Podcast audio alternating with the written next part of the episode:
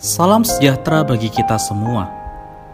Emana kembali hadir dengan podcast pembahasan firman Tuhan. Semoga firman Tuhan yang murni mampu merawat batin kita, menguatkan roh kita, dan membangun iman kita di hadapannya. Silakan menikmati podcast Emana hari ini. Puji Tuhan, salam damai sejahtera bagi kita semua Sukacita bisa berjumpa kembali dengan saudara-saudari di dalam program pelayanan podcast Emhana. Si Tuhan, hari ini saya tidak sendiri. Uh, nanti ada saudara kita yang akan bersekutu dengan kita yaitu saudara Irfan. Kita sapa ya. terlebih dahulu. Halo saudara Irfan, selamat bergabung kembali. Halo, puji Tuhan, senang bisa bergabung dalam program podcast Emana hari ini. Amin.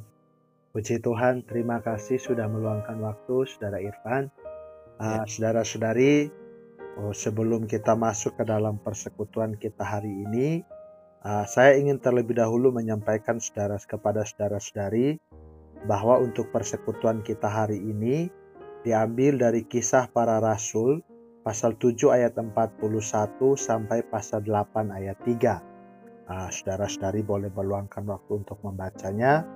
Kemudian dari porsi pembacaan ini kita mengambil satu topik untuk kita sekutukan bersama-sama, kita bahas bersama-sama, yaitu judulnya adalah Tuhan tak tinggal diam. Ini ya. adalah judul persekutuan kita hari ini.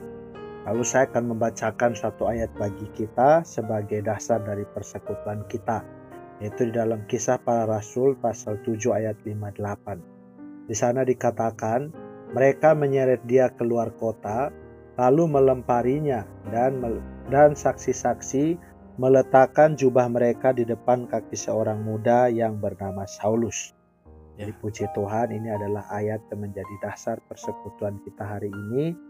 Selanjutnya kita akan mendengarkan tanggapan dari saudara Irfan ya uh, mengenai hubungan dari ayat yang kita baca tadi dengan judul berita kita uh, hari ini.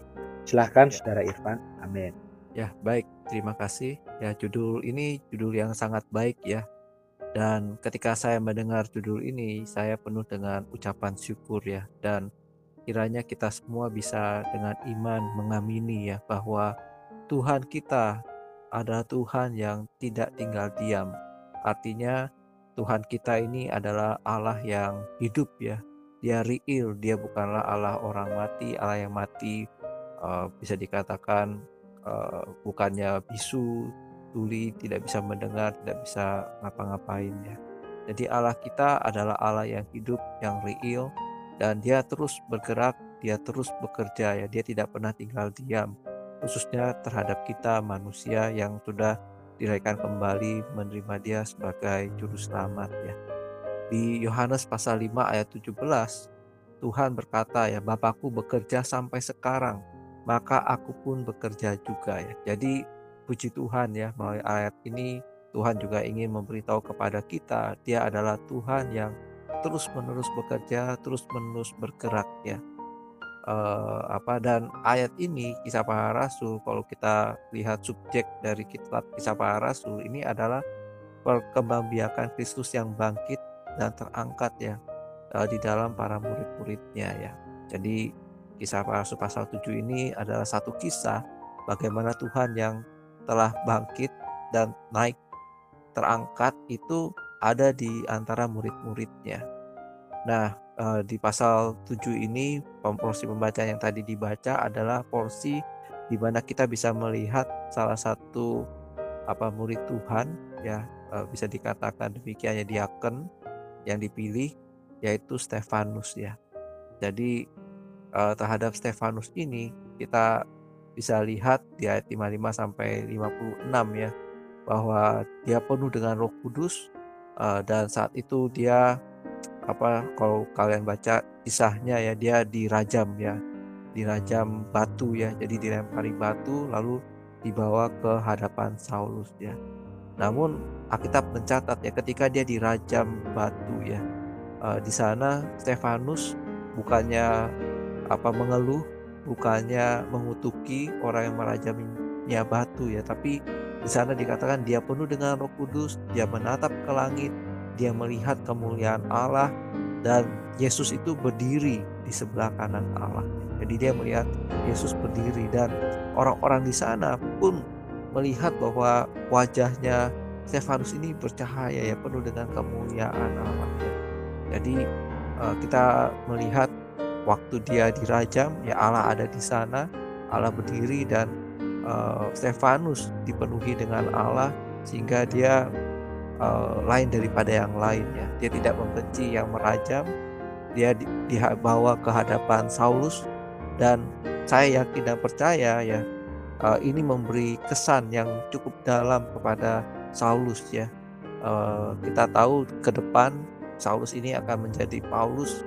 Tuhan sendiri menampakkan diri kepadanya dan dia juga akhirnya beroleh selamat menjadi pengikutnya Tuhan.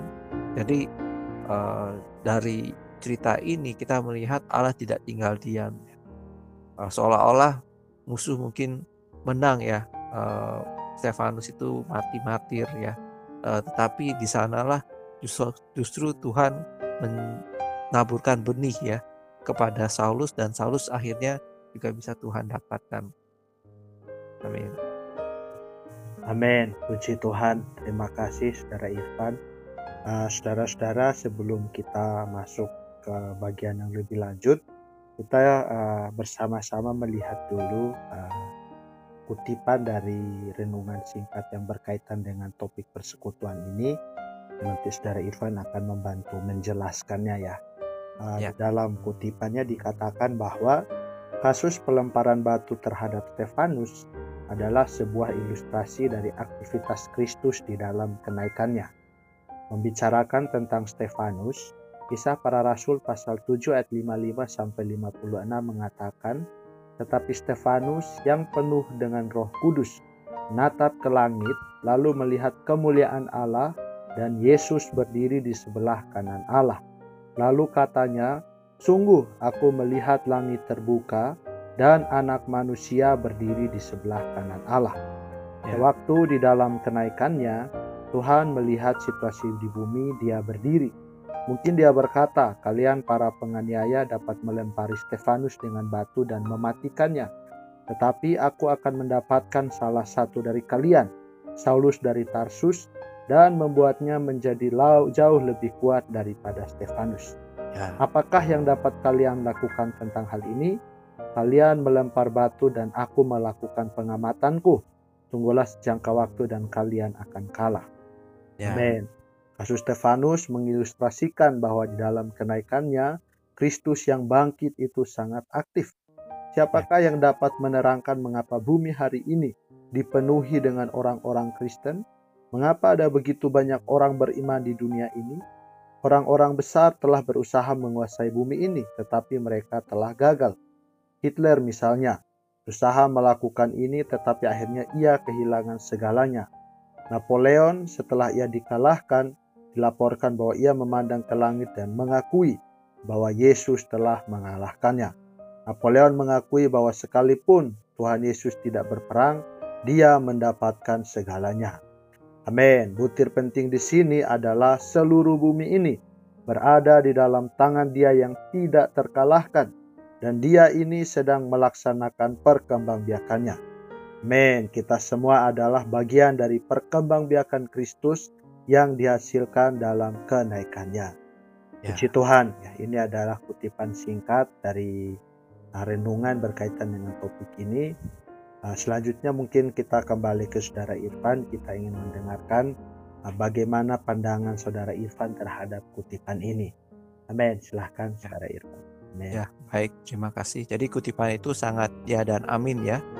Uh, jadi ketika dikatakan kita semua adalah bagian dari perkembangbiakan Kristus yang dihasilkan di dalam kenaikannya, uh, saya ingat di Efesus pasal 4 ya, ayat 8 sampai 10 uh, di sana dikatakan itulah sebabnya dikatakan tatkala ia naik ke tempat tinggi ia membawa tawanan-tawanan. Ia memberikan pemberian-pemberian kepada manusia. Bukankah ia telah naik? Berarti bahwa ia juga telah turun ke bagian bumi yang paling bawah.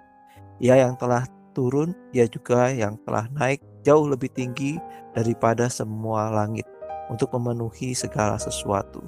Jadi Tuhan telah naik, uh, Dia mau membawa manusia yang tertawan ini memberikan karunia kepada manusia, juga memenuhi segala sesuatu manusia ya. Jadi uh, Tuhan kita Tuhan yang sanggup membuat kita ini segambar dan serupa dengan dirinya ya. Jadi uh, kiranya kita bisa terus terbuka kepadanya. Kita tahu Tuhan sudah bangkit, terangkat, Dia mau hidup di dalam diri kita.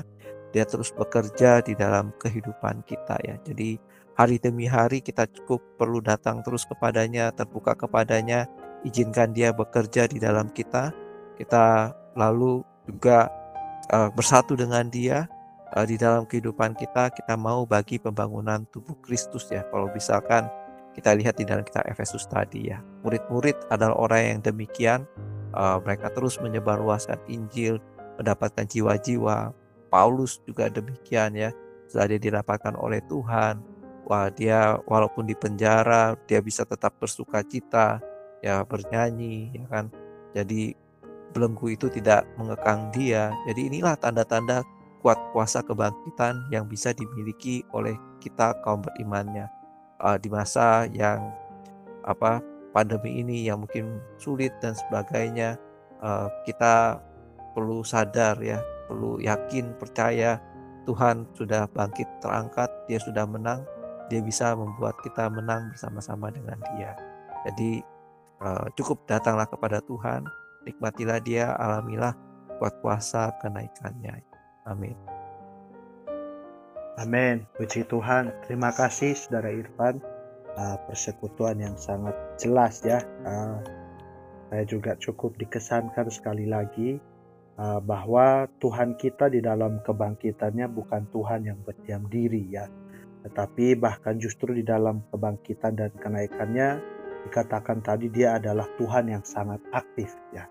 ya. Uh, dia aktif bergerak, maka dan bagi pergerakannya ini uh, dia memerlukan kerja sama kita ya saudara-saudari uh, hari ini dia sedang bergerak di surga dan dia juga memerlukan sekelompok orang di bumi yang bekerja sama dengan dia ya, ya. Nah, pergerakannya tentu saja adalah untuk mendapatkan orang-orang orang-orang dosa supaya diselamatkan tetapi tidak berhenti sampai di sini setelah diselamatkan dia juga bergerak supaya orang-orang yang telah diselamatkan ini juga boleh dibangunkan menjadi tubuh Kristus. Jadi puji Tuhan, Tuhan kita hari ini sedang bergerak, kita juga harus bergerak ya. Pergerakan kita adalah karena kita telah bekerja sama dengan Dia. Amin. Puji Tuhan. Uh, untuk menutup persekutuan kita, uh, sekali lagi saya minta saudara Irfan boleh pimpin kita di dalam doa. Amin. Ya, baik. Mari kita berdoa. Tuhan Yesus, terima kasih Tuhan untuk pembacaan Alkitab sharing kami pada hari ini. Amen. Kami bersyukur kami memiliki dikau Allah kami yang hidup. Kau bukan Allah yang pasif, bukan Allah yang mati. Kau terus-menerus bergerak. Amen. Kau di dalam kami. Kami bersyukur Tuhan, Kau sudah datang ke dunia, mati tersalib. Oh Tuhan, Kau juga sudah bangkit dan terangkat ini engkau hidup di dalam setiap kami. Amin. Sebagaimana engkau mendapatkan Stefanus juga Paulus Tuhan, kiranya engkau dapatkan kami semua, oh Tuhan yang mendengar podcast Emana pada hari ini Tuhan. Amin. Jadikanlah kami orang-orang yang berbagian di dalam kuat kuasa kenaikanmu. Oh kami mau di dalam kehidupan kami mengalami Oh Tuhan kuat kuasa kenaikanmu. Tuhan bekerja terus di dalam kami, ubah kami, sehingga kami semakin hari semakin serupa denganmu, segambar dengan dirimu Tuhan. Biarlah dalam kehidupan kami, Engkau ternyatakan orang-orang di sekitar kami, bisa Tuhan dapatkan, mereka menjadi tawanan-tawananmu, Oh mereka, oh Tuhan adalah bagi pembangunan tubuhmu. Kami serahkan kehidupan kami ini ke dalam tanganmu Tuhan. Amin. Dalam namamu kami sudah berdoa. Amin. Amin. Puji Tuhan. Terima kasih saudara Irfan atas persekutuannya hari ini. Ah, semoga di waktu mendatang bisa kembali hadir, bisa membagikan firman Tuhan. Ah, juga bagi saudara-saudari yang mendengarkan podcast hari ini, kiranya bagian firman Tuhan yang disampaikan hari ini boleh kembali menguatkan dan mendorong kita. Men, puji Tuhan, demikian persekutuan kita hari ini. Sampai jumpa dalam podcast yang berikutnya. Tuhan memberkati. Amin. Tuhan berkati. Amin. Memberkati. Amin. Sekian pembahasan firman porsi hari ini.